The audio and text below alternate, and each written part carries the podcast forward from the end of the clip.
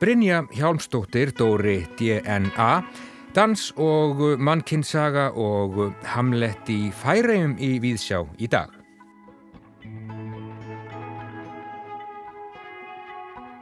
Hægviðri um land allt hlýjast í hjartastað og eftirvill lítilsáttar væta einhver staðar þar sem allt er að skrælna. Brynja Hjálmstóttir er ungt ljóðskáld og bóksæli í Reykjavík. Hún er höfundur bókar sem að heitir Óg frumann. Þar sem orð er um líf og orð er um dauða, upphaf lífsins og endalók lífsins. Við ætlum í göngutúr með Brynju í Víðsjá í dag við verðum undir skafheiðum bláum himni eftir fáein augnablík. Leikritið Hamlet eftir William Shakespeare er sínt í Norðurlanda húsinu í Þórshöfn í Færegjum um þessar myndir en verkið hefur aldrei verið sínt í Færegjum áður. Það er leikópurinn De Feroce Company sem að stendur að uppsetningunni og færeiska þýningin hún er glæni. Það tók sem sé Hamlet 420 ár aðeins að komast til Færeja Halla Þórlaug Óskarstóttir brá sér í leikhús í Færiðum og segir frá í þættinum í dag. Og við höldum að sjálfsögðu áfram að fjalla um nýjar bækur hér í Víðsjá. Marjana Klara Lúterstóttir, einn af bókmyndagagrinendum þáttarins, rínir í dag í skálsöguna Kokkál eftir Dóra DNA. Og Ragnarður Gíða Jónsdóttir, hún heldur áfram að dansa sig í gegnum mannkinsöguna. Í dag kynir hún rannsóknir bandarísks þjóðlagafræðings á dansi og mannkynni. En við byrjum við sjá í dag á röldi í vetrar blíðunni.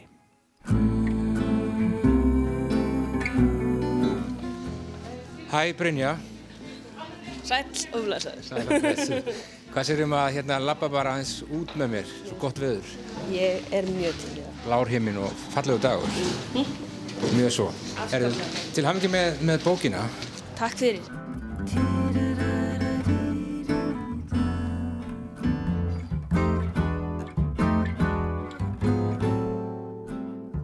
Um, og frumann, hérna hvernig, hvernig gengur? Það gengur bara vel. Já. Já, já, bara maður tekur einn dag í einu. Já, nákvæmlega. Og svona ertu að, að fylgjina eftir, ertu hérna brosa framann í fólk hér og þar? Jú, ég þarf nú að brosa framann í fólk. Þetta er svona ákveðið álag, svona duðlið álag. Duðlið álag. Maður þarf að vera svona performer líka, sko. Já. Vera alltaf í stuði og svona. Já. En það er nú bara, það er nú svona fyrst, ægilega bara skemmtilegt. En stundum verður maður svolítið þreytt. Já.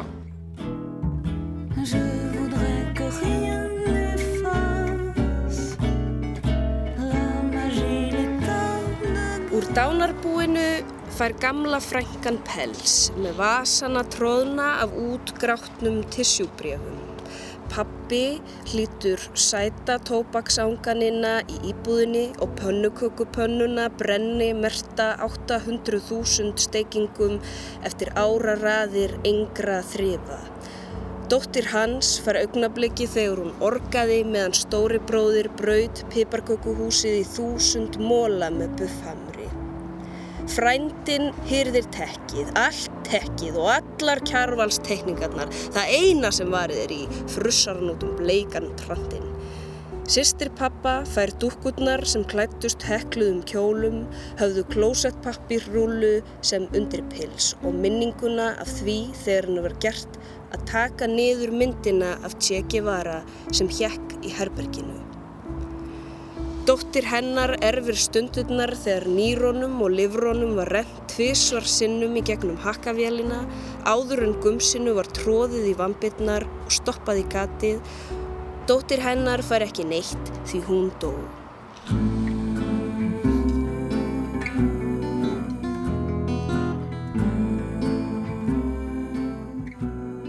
Þín fyrsta bók? Já. En hefur byrt svona á stangli er það ekki, hér og þar? Jú, ég hef svona byrtið mjög í grunn svona sapnritum og tímaritum og netinu og verið að lesa svona út um allt og svona. Já, en þetta er bók sem að, já, hún, hún, mynd, hún myndar svona eina heild.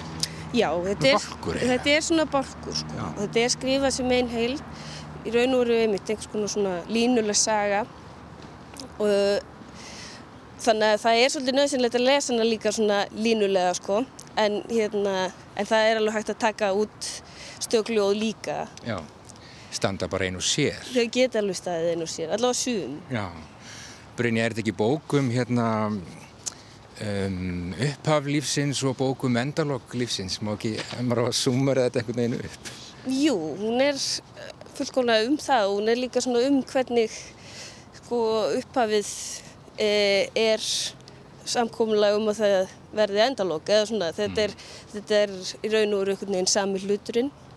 Já, þannig að já, ég er svona svolítið að velta því fyrir mér. Þetta er svona e, döðin er fórsöndaði fyrir lífinu og öfugt Og þess vegna ertu með þessa ógfrumu sem er nákvæmlega hvað? og fruman er, e, það er fyrsta fruman í nýjum einstaklingi. Það er e, þegar, þegar tveir einstaklingar einhvern veginn gefa helming af sér til þess að búa til eitt Já. nýtt. Já. Það er nýtt upphaf en það er líka ávísun á dauða og undanfari bálfarar í, í þinni bók. Já, það er það sko. það bara, þá byrja bara klukkan að tifa sko. Já, Sumarið hennar, visinn blóm í vasklasi, heklaðir dúkar, harðar framliðnar flugur í gluggakistum. Innrammaðar myndir af fortfrægum íþróttahetjum, forsetum og misdauðum vandamönnum. Hægviðri um landallt, hlýjast í hjarta stað og ef til vill lítilsáttar væta einhver staðar þar sem allt er að skrælna.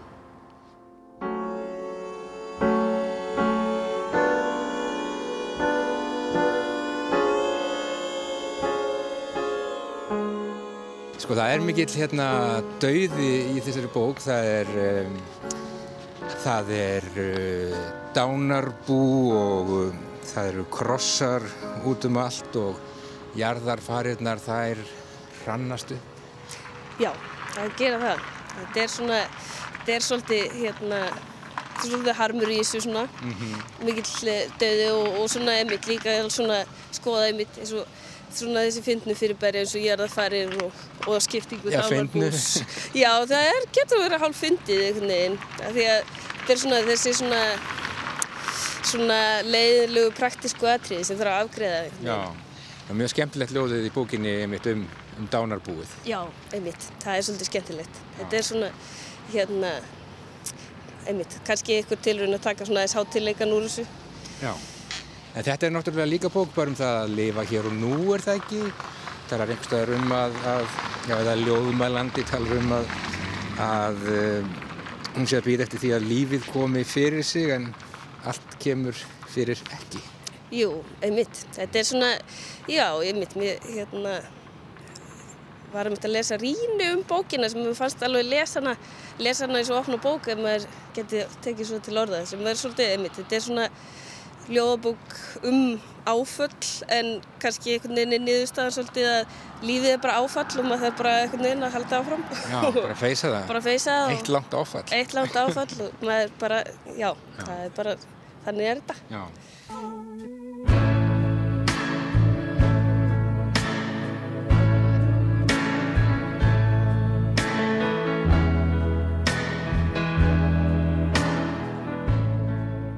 Sko, maður finnur fyrir því að það, það hefur einhver dáið, uh, það er svona, dauðin einhvern veginn vomir yfir, yfir öllu í bókinni, uh, var uh, að einhver leiti sárt að skrifa þetta? Já, það, það var það alveg, það kom mér jáfnvel á óvart að hérna svona þurftu kannski að vekja upp einhvern gamlan sársauka en það var líka mjög gaman að skrifa hana og svona spennandi fyrir mig og óvænt og hérna og þessna, og ég held að bókin sé líka svolítið svolítið sko, hún er svolítið sár en hún er líka svolítið hérna skemmtileg, Já, þetta er líka skemmti bók já. Svo er Gráman. svo er það gráman sko hann Hvað er, er hann að gera þetta? hann er, já sko ég veit það ekki einhver, hann bara kom Gráman í Garðsvöldin? Já, grámann í garðsvöldni. Mér er alltaf fælt svolítið gaman á grámanni, sko. Já. Ég hvet fólk sko, til þess að það er hægt að lesa alla söguna á- bara á netinu. Já, já. Þannig að hérna, ef að fólk þekkir ekki æfintýra grámanni, en, en grámann er, hann er þessi þjóðsagnapersona og er, sem sagt, eh, það er gammal maður sem að kaupir gráman í póka mm -hmm. í byrjunum og sögunni af því að hún er lofað þetta séu kjöt og bein sem er náttúrulega rétt en það er bara lifandi maður hann selur einu kúna sem hann á skiptir fyrir gráman en svo kemur í ljós að það voru mjög góð svona viðskipti sko, því að gráman gerir ímislegt sniðut og hjálpar karlinum og kerlingun í góti sínu Já, hún byrjar á því sagan ef ég mann rétt að karlin fer í messu þar sem að er verið, verið að bóða það að það sé, já, sætla að gefa en þykjar. Jú, þetta er svona svolítið, sko. Svo eh, kemst hann eh, gráman í, í kast við kongin í landinu og, og kongurinn lætur hún fá svona alls konar þrautir og svona láta eitthvað, ef hún nærða að koma og stela rekkjufóðunum undan mér og drotningunni, þá skal ég gera þetta og hérna og, þá, og hann næri alltaf að gera það, sko. Mm -hmm. Og næri alltaf að gappa hann meðal annars með því sem er svona sem er mjög svona martraðkend mynd sem kemur í söguna hann klæði sér í prestahempu og Já. festir hann á hana fullt af logandi kertum og segist vera yngill og, og næra gapa kongodrótningu þannig. Og Gráman kemur við sögu í fleiri en einu ljóði og fleiri en, fleiri en tveimur í, í þessari bók. Ég las einhverstaðar að þú hefðir að mista kosti einhver tíman haft gaman af Steini Steinar. Já, Ég hef alveg ennþá gaman á hann sko. Mm -hmm. Steinn Steinar er náttúrulega svona, hann er svona gateway drug í hérna ljóðlistina. Þannig að, jú, jú, ég alveg, ég fekk voða svona kikk út í að lesa þetta samt því ég var svona einmitt, kannski svona kringu fermingu Já. og svona læriði, svona læriði á minnið, eitthvað svona sigra heiminn og, og svo fannst mér einmitt svona mjög undarlegt að lenda í, þú veist, tímanum á vatninu, þetta er rosa, hérna, óbúslegur lestur. Já, drúpandi höfuð og dimblátt auga og Já. allt það. Allt það. Nákvæmlega.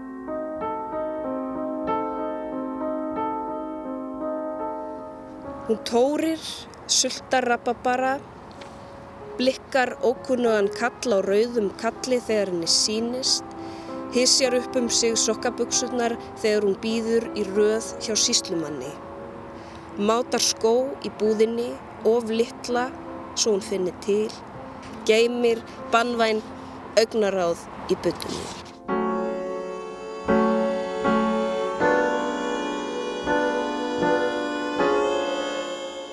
Þú ert uh, bóksali Brynja, þú ert á mæntalega mikið með já, nefið ofan í nýjum bókum þessa dagana, hvað ert að lesa? Ég er að lesa svo mikið Eiríkur, þetta er eiginlega alveg bara veimitt, maður er kringum bækurnar og maður verður alveg vittlaus að þessu bara. Þannig ég er að lesa, ég er búin að lesa bókinnar Kristina Eiríks, ljóðabókina Kærastinu Rjóður, búin að lesa hérna, ljóðabækur Fríði Ísberg og Brynjólf Þorsteinsson, búin að lesa hérna, Östur skáldsögti Braga Pál, hérna, það er ansi klikkusaga og kokkáletti Dóra Díana voru að byrja á Svínshöfði eftir Bergþóru Snæbjörnsdóttur held ég að sé, já þannig að já, mjög mikið. Þetta er allt og mikið. Þetta er allt og mikið en... Þetta er ekki holt. Nei, jú, þetta er meinholt Já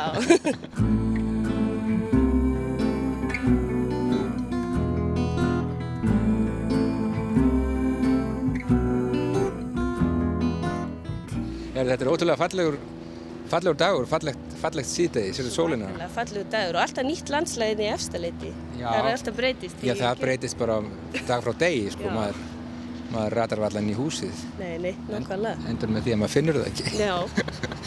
en hérna, hvað er, hvað er framöndan hjá þér?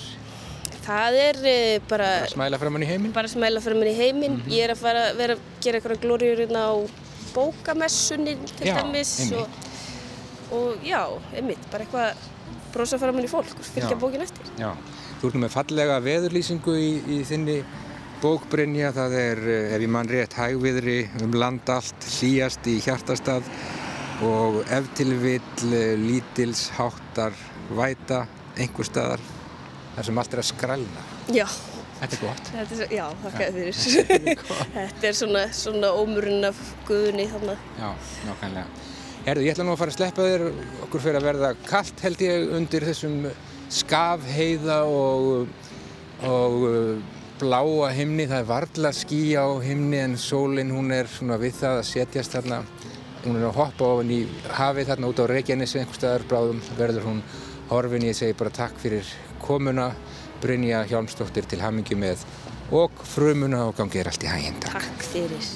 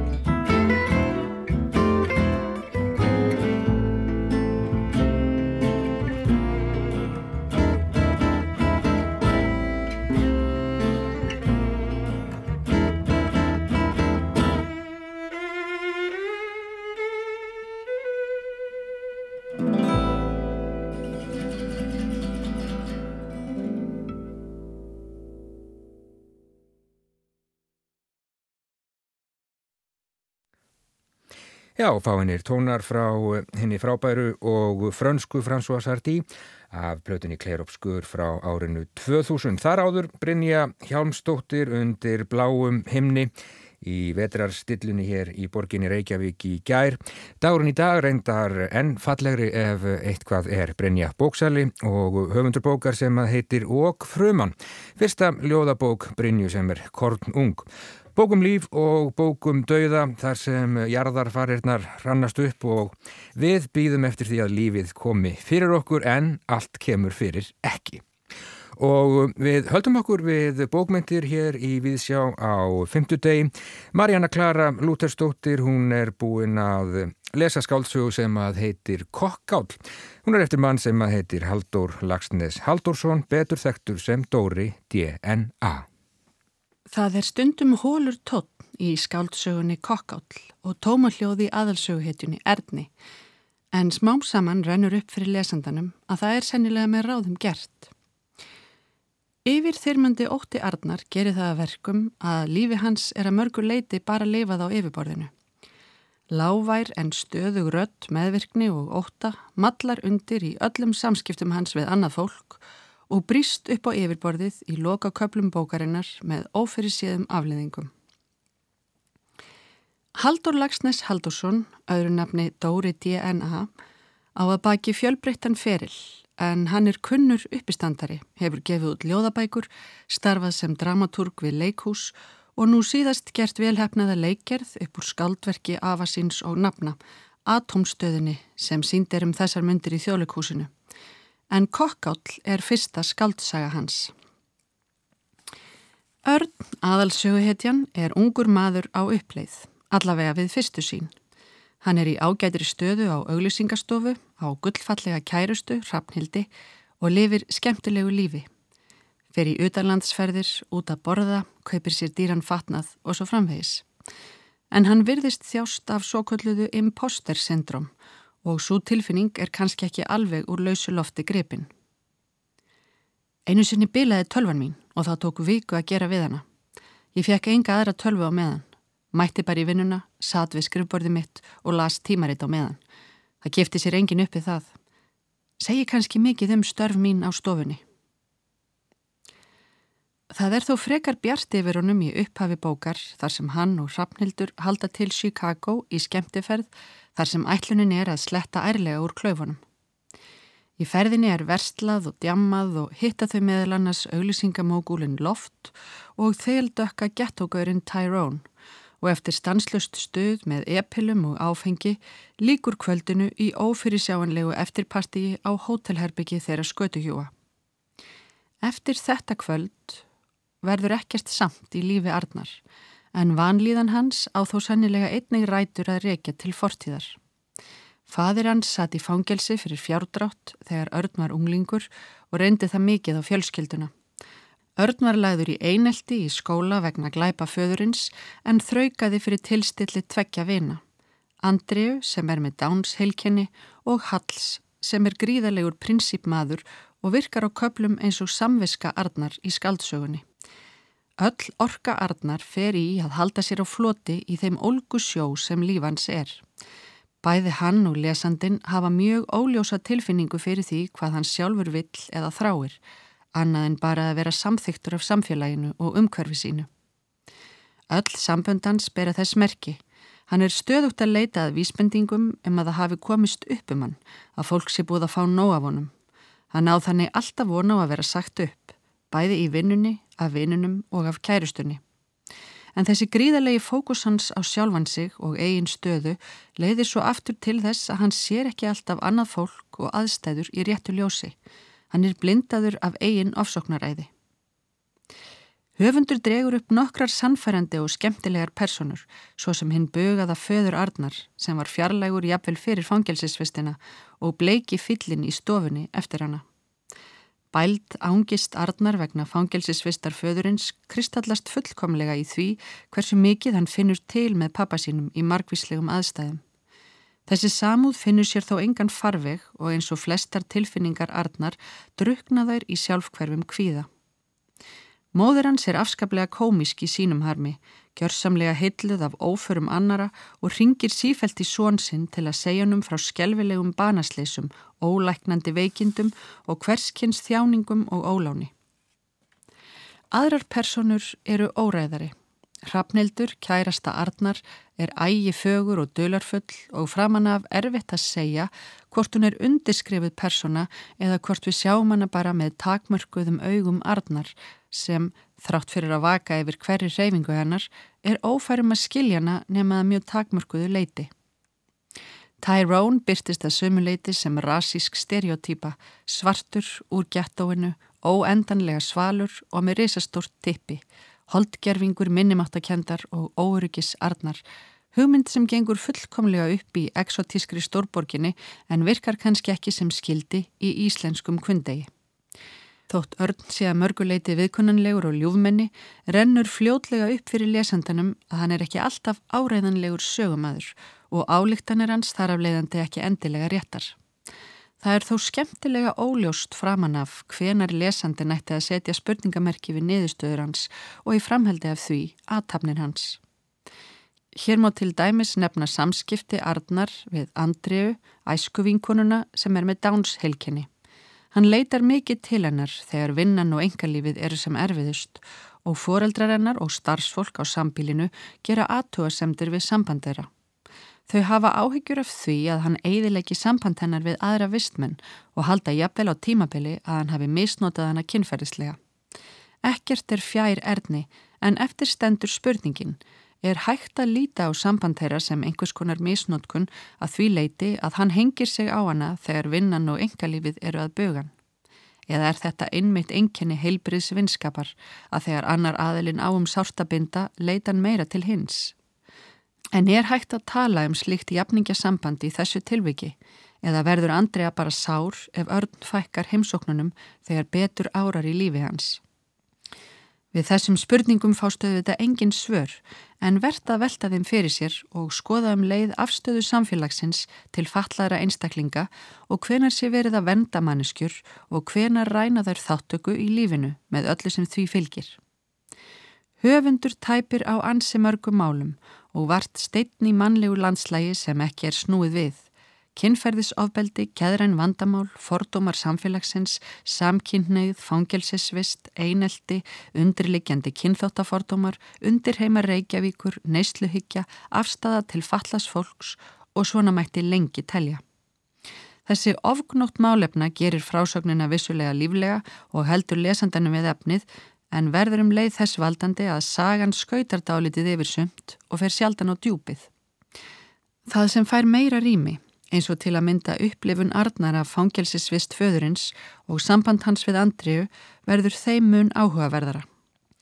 Það sem Dóri gerir þó best er að ná utanum ákveðin íslenskan veruleika, stemningu og andrumsloft á miljandi fyndin en um leið ansinn naskan máta. Það er fátt jafn daburlegt og auglýsingarstofa á vetrarmórni í upphafi viku. Það er eins og á munaðaleysingahæli í framtíðinni. Littlu hipsterarnir, grafísku hönnuðurnir í stuttu buksunum sínum, gráir eftir vöku og fyllir í helgarinnar, mynda sorglegan hala við kaffevélina og rétta fram málinn sín eins og Oliver Twist að byggjum ábútt á súpuna. Vangaveltur um karlmennskuna og köplum góð personusköpun í bland við setningar sem ætti helst að ramma inn og hengi på vegg, fleita bókinni yfir stórsjó og sker síðar í hlutans, þar sem frásögnin missið dáliti fótana, þegar hinn er ótalmörgu þræðir reyna að koma saman.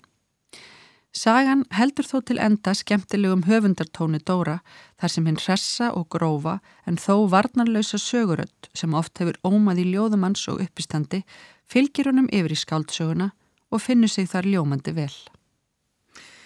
Já, þetta hafði Marjana Klara Lúterstóttir að segja um skáldsöguna Kokkál eftir Dóra D.N.A. Haldur Lagsnes Haldursson bók sem að er nýkomin út en þá ágetur hlustendur tökum við blegðunarlaust fram dansskóna, dans og mannkinsaga Ragnhildur Gíða Jónsdóttir. These are folk dancers of Germany.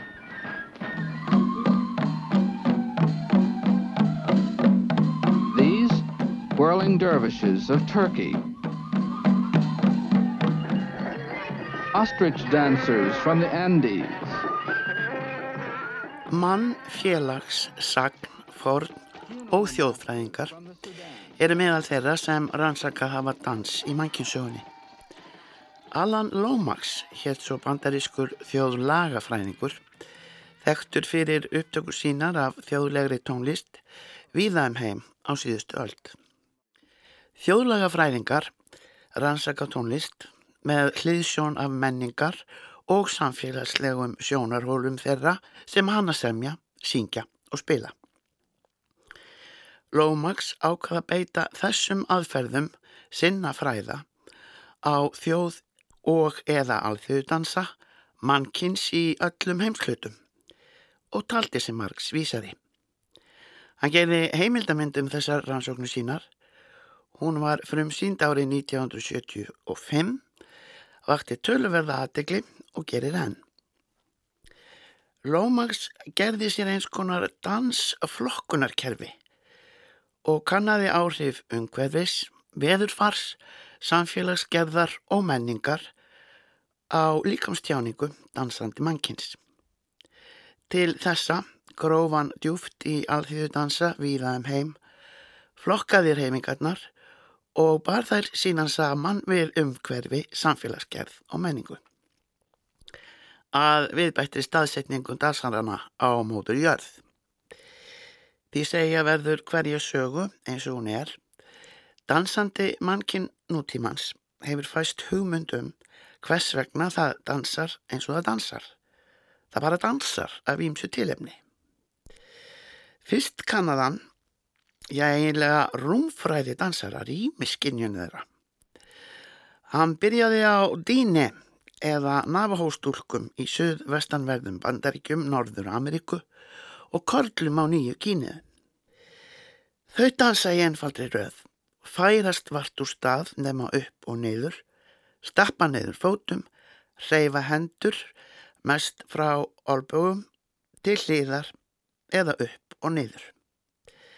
Þeirra dans sagðan einvíðan. Spænska stúlkur og karlar í Pólinesju dansi í þingi, sveibla höndunum og mynda með þeim boga, tvívíður dans sem sé. Stúlkur í Indonésiu dansa í nokkrum einföldum röðum, standa á öðrum fæti, tegja hinn fótin aftur, rétta fram aðra höndina en hina aftur. Sama gera karldansarar á jöfu og öll sveia og tegja líkama og útlimi í þessari sinni danslist dansa í þrývít. The straight line arm movements of these Navajo girls define a one-dimensional system, in contrast to the curving, two-dimensional arm style of these Spanish girls, and to the spiraling arabesques of these Indonesian candle dancers tracing three-dimensional paths. Nú útfæði Lómax þess að sína rannsókn og nokkuð. Einvíðu dansarnir ættu rætur að rekja til þess tíma Þegar menn voru í mestalagi sapnarar og veiðmenn. Byggu við einfalt hagkerfi ef hægt er að tala um hagkerfi á þeim æfafornu tímum þegar lífsbaráttan fór nánast öll í að hafa í og á sig og sína. Verkværi voru úr veiði bein eða unni grjótunu út um allt. Allt verkað með snöggum ákveðnum hreyfingum. Elda kveiktu þeir með því að núa saman viðarbútum, skófuskinn, skáru kjett með steinnýfum, stungu skuttluðu og börðuðu bráðina eða hver annan en þessum gráði. Snarahendur og línulega reyfingar skiptu sköpum í lífsbaráttunni. Á steinaldunum þremu sem við höfum stilt upp og eru nokkuð mísmunandi eftir löndum og heimsálfum. Frá um 1.400.000 árum og sumstaðar laugrum ekki fyrir, um 3.300 árum og jáfnvel síðar. Steinöldinni skiptum við auðvitað í fórt steinöld, miðsteinöld og nýsteinöld. Og á tímabilinu, engum á mið og nýsteinöld, lærðist mönnum að gera sér ævandari verkværi úr ýmsum steintegundum, nýma, axir, spjótotta, örváta úr steini að óklemdum brettum úr steini. Á þau lögðu konur til dæmis villikort, netur, justir og fræ og röndu tilhagnum steinum fram og aftur yfir fíniríð á brettunum. Millu steinar bættu svo aldeilisum betur. Þeir voru tveir, neðri steinin kúftur og fastur fyrir en sá efri íkvolfur og honum var snúið. Villikortnið frægin og neturnar þar á milli muldust í mjell, konunnar hætti að nutta steini við stein, fram og aftur, snýru bara efri steininum ring eftir ring eftir ring. Betri verkværi og áhald úr málmi breyttu daglegum reyfingum manna, veiðibráðina máttu skafa og skera með lengri og ákveðnari reyfingum, menn hættu að stinga með gamlu og einföldu spjótunum en notuðu sveiflu handarinnar til að auka kraft og lengt flugs nýju spjótana. Fiska hafðu menn veikt í vötnum og grunnsæfi, synt á uppi og gómað eða stungið á spjótum, snöggum og ákveðnum hreyfingum, en á nýstöðunöld er þeir grunaður um að hafa gert sér fiskagildur úr forgengilegra efni viði að víðisætt til dæmis. Tímanstönn hefur þá unnið á þeim gildrum en fjöldi og gerðir fiskibeina át valastöðum þessa manna benda til aukins og fjölbreyttari abla en áður.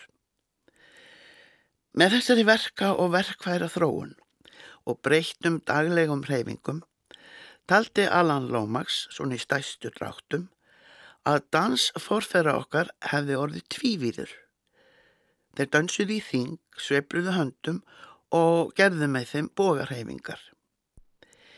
Þrývíðu dansarnir virtust honum flestir ættaður úr þeim heimslutum þar sem vatni var veitt á ræktaland með ímsum aðferðum. Þá þroskaðist jarðarinnar gróður jáfnvel oft á ári, gómsætir ávextir af ímsum tegundum fjallu af trjám og lesamátti ávexti og jarðarinnar gróður mun lengur en áður og annar staðar.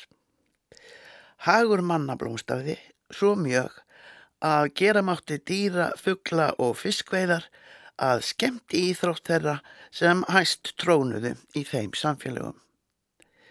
Þróun dansmenningar veðist nátengt framleiðslu lífsviðurværis og hvernig menn báru sig að við að abla þess á hverjum stað og hverjum tíma. Allt fram að fór yðnvæningu 16. aldar og svo að sjálfsögðu yðnbyltingarinnar í lok þeirra rátjóndu. Að óglemdri stjættaskiptingunni á sjálfsögðu. Thus, the spatial aspects of dance movement seem to be a function of the means of production. En fleira hafði áhrif á dansmenningu mannkins að mati Lomax. Hann tók fram heimskort og merti ein, tví og þrývíða dansa skipulega á kortið. Hann beindi aðtiklinni einnig að því að sumir dansarar skóku bringu, reyfðu herðar og handleggi fram, aftur og jafnvel í ring, magar þeirra bylgiðust og mjadmir svefluðust, allar þessar reyfingar í senn.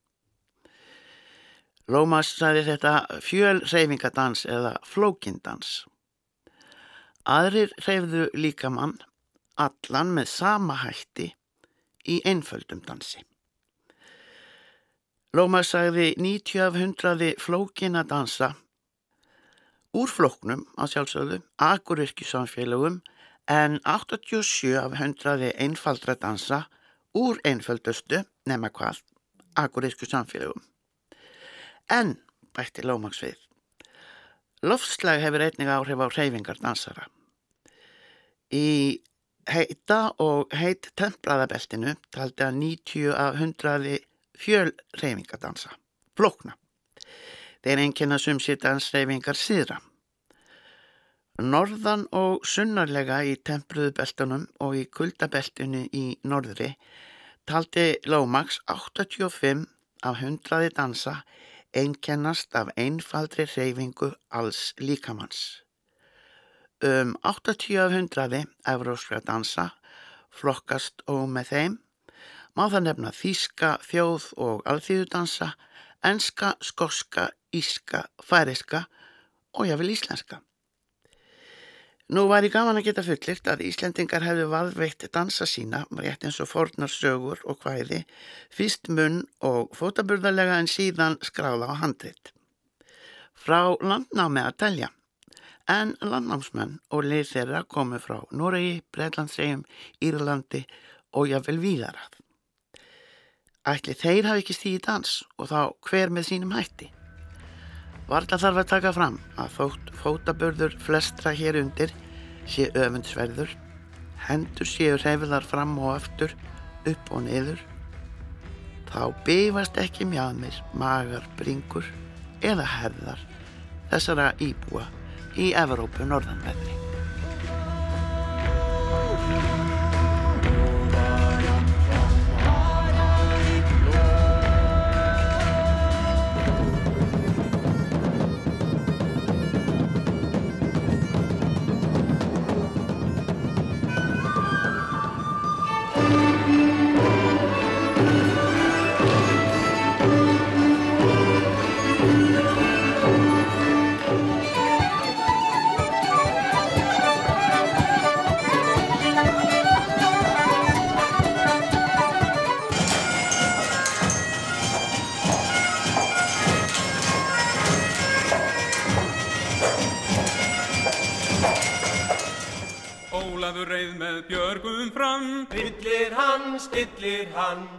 Hittan fyrir sér álvaran. Það rauðu login brann.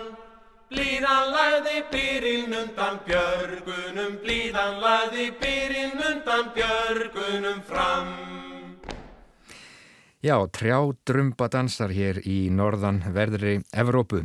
Ragnhildur Gíða Jónsdóttir, hún heldur áfram að segja frá dansi og mannkinsögu hér í Víðsjá að viku liðinni. En þá ágætu hlustandur höldum við til Færeja og ekki að ástæðu lausu Halla Þorlev Óskarsdóttir, hún er á faraldsfæti, hún skemmti sér í leikús í Þórsöp í Færejum. Danski prinsinn Hamlet er loksins komin til Færeja.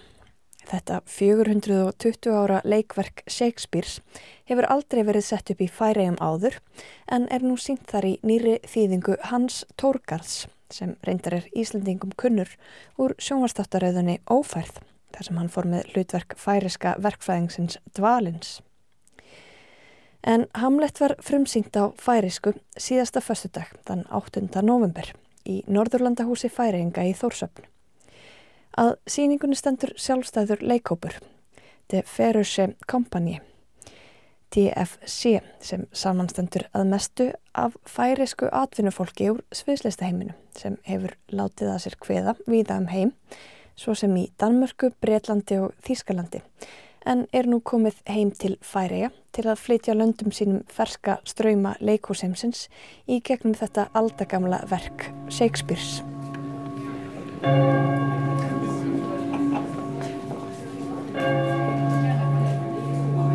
Uppsetningin hefur verið í bígerði í tvö og hálft ár og það verður að segjast að hún er tilkomið mikil. Norðurlandahúsið sem er verulega fallegt og spennandi hús er sannarlega gjörnýtt á alla kanta. Sýningin hefst í kjallaranum en rýminu hefur verið umbreytt í einhvers konar kapellu. Áhorfendunni setja begja vegna gangs og uppi á palli er líkista. Í sæturnum er efnisgrá sem gefur til kynna að við séum stött í jarðarfur. Jarðarfur Hamlets. Hún hefst á jarðarfarasalmi sem eflust er hefðbundin í færiskum jarðarfurum.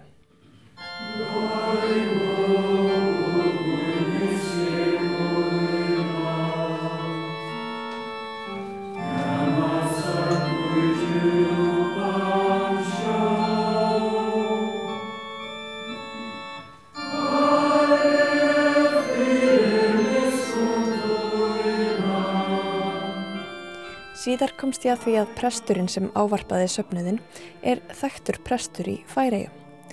Það bætti eflaust einhverju lægi við uppfærsluna sem skeilaði sér ekki til mín, frekar en margt annað. Ég er engin sérfæðingur í Shakespeare eða Hamlet og tala þess auðan ekki færisku. Ég fjalla því um síninguna frá því sjónarhorni, mínu sjónarhorni, þar sem tekstinn hefur takmarkaða merkingu.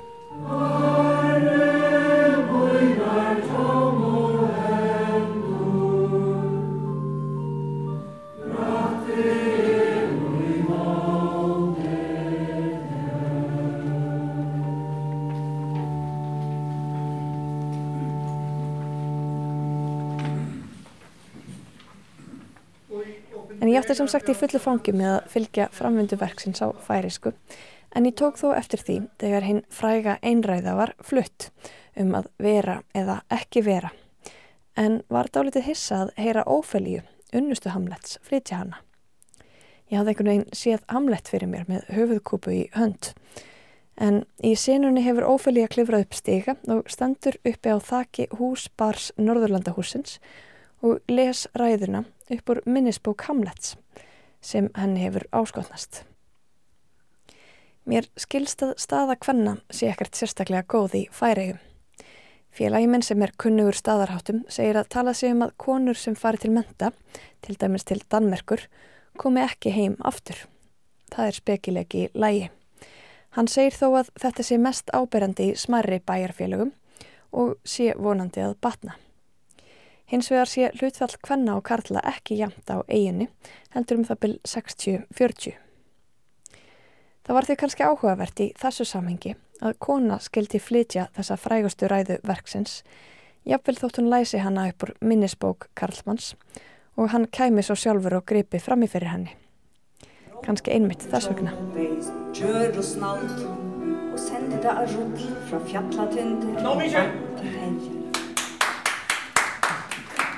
Mísjö! Kanst du sýtja fyrir að þeir fóða alla umsvanga? Mér skildist að uppsetningin á Hamlet í Norðurlandahúsi færihinga hafi þótt nýstarlega á færiskan mælikvarða. Að þar týðkist hefðbundi leikús en þar sem ég veit ekki mikið um leikúsmenningu þar í landi hafði ég samband við vinn minn Hannes Óla Ágústsson leikara sem hefur komið töluvert fram í Þórsöpn. Sko hefðbundi leikúsmenning færiga er nú bara, þú veist, hún er bara ansi hefðbundin, þú veist, þeir eru með þetta þjóleikús sem setur upp örfársýningar ári og þau eru ennþá að berjast fyrir því að, að fá það sem er svona leikús um, og eru að berjast fyrir að fá meira húsnæði. Það er, það er nú þegar í mjög lélegu húsnæði niður í miðbæ, hverju gamlu vestæði og þeir setur bara síningar með svona max 3-4 leikurum leikurum einu, kannski 2-3 ári.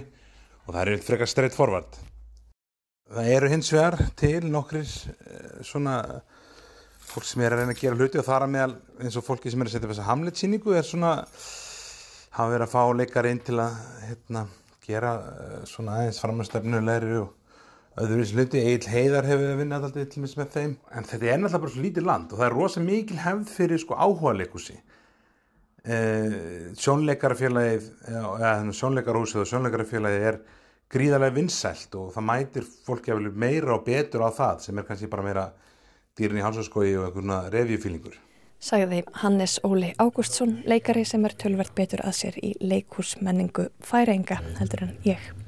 Hvordan du så ber de at Jesu, lät ikke sinne færast, hos ei nøgrun hendar hoe måtte måur tvinn. Farvel, farvel, Herre. Og glæm mig ekki. Færist samfélag er ekki þekkt fyrir að vera framarlega á merinni þegar kemur að jafnbrettismálum. Kynjahalli og fordómar fyrir hinseinhópum grassera í strángtrúuðu samfélagi, aftur er þetta mest ábyrjandi í smábæjunum. En á kvöldgöngu í gegnum miðbæ Þórsafnar var þá vegi mínum ungur maður sem stóð og rópaði í hljóðnema. Húnum var mikið niðri fyrir og ég innbytti mér af öllum mínum tungumálamætti að færiskunni.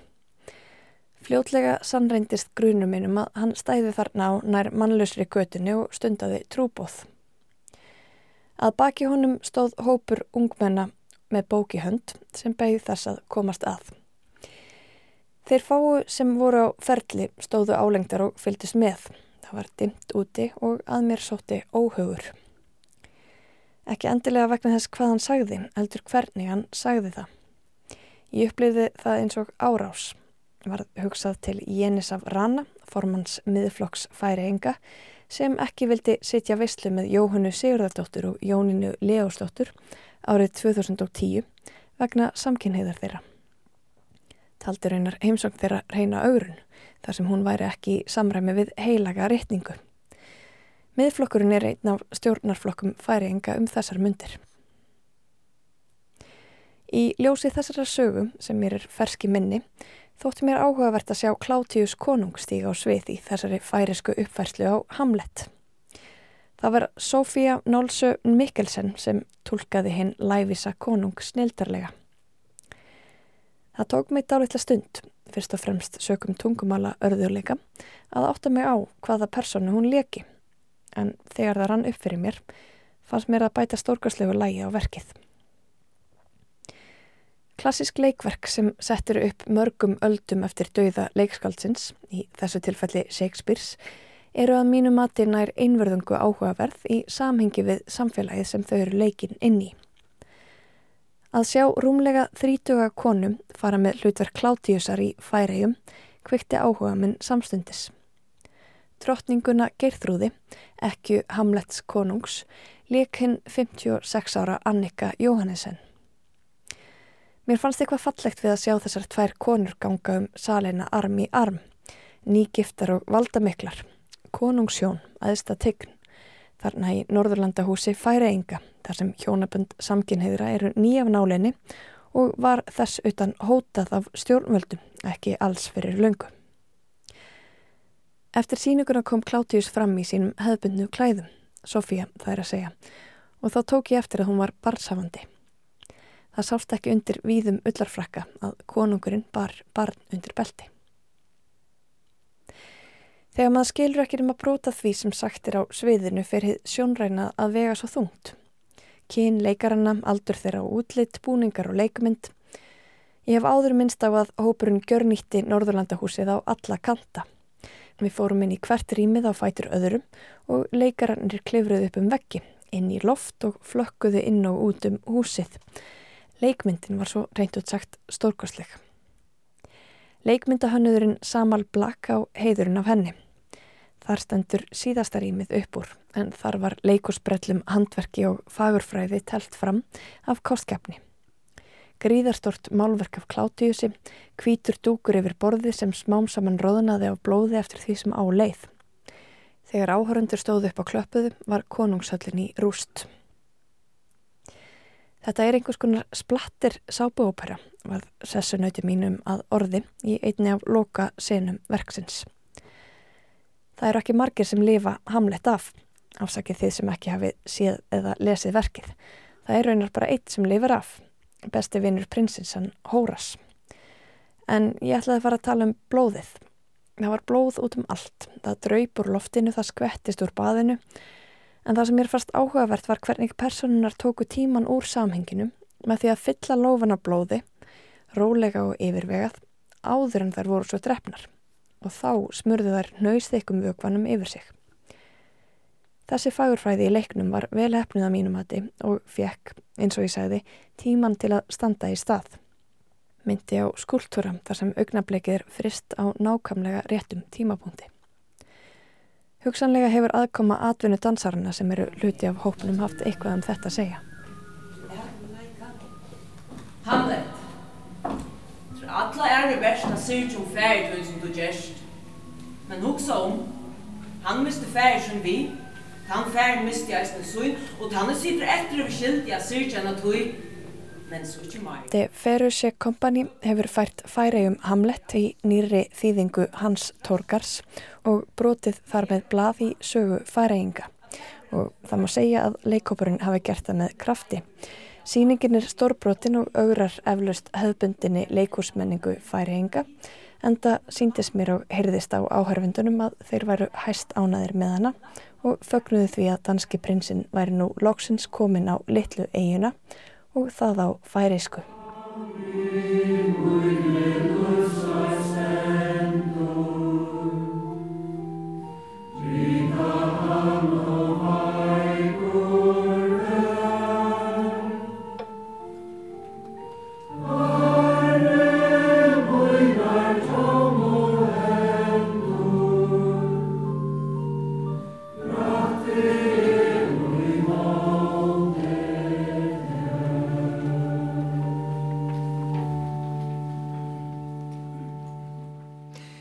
Já, 420 ára gammal Hamlet loksins kominn til Færeja og já, kominn tími til það var Halla Þórlug Óskarstóttir sem að brá sér til Þórsafnar og sá þetta frægasta leikrit allra tíma.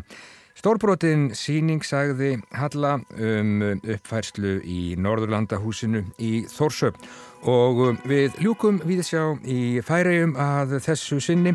Verðum hér aftur á þriðju dag en ég minni á úrval úr viðsjár þáttum vikunar hér á rás 1 á sunnudag. En þetta er búið í dag. Takk fyrir samveruna. Verði sæl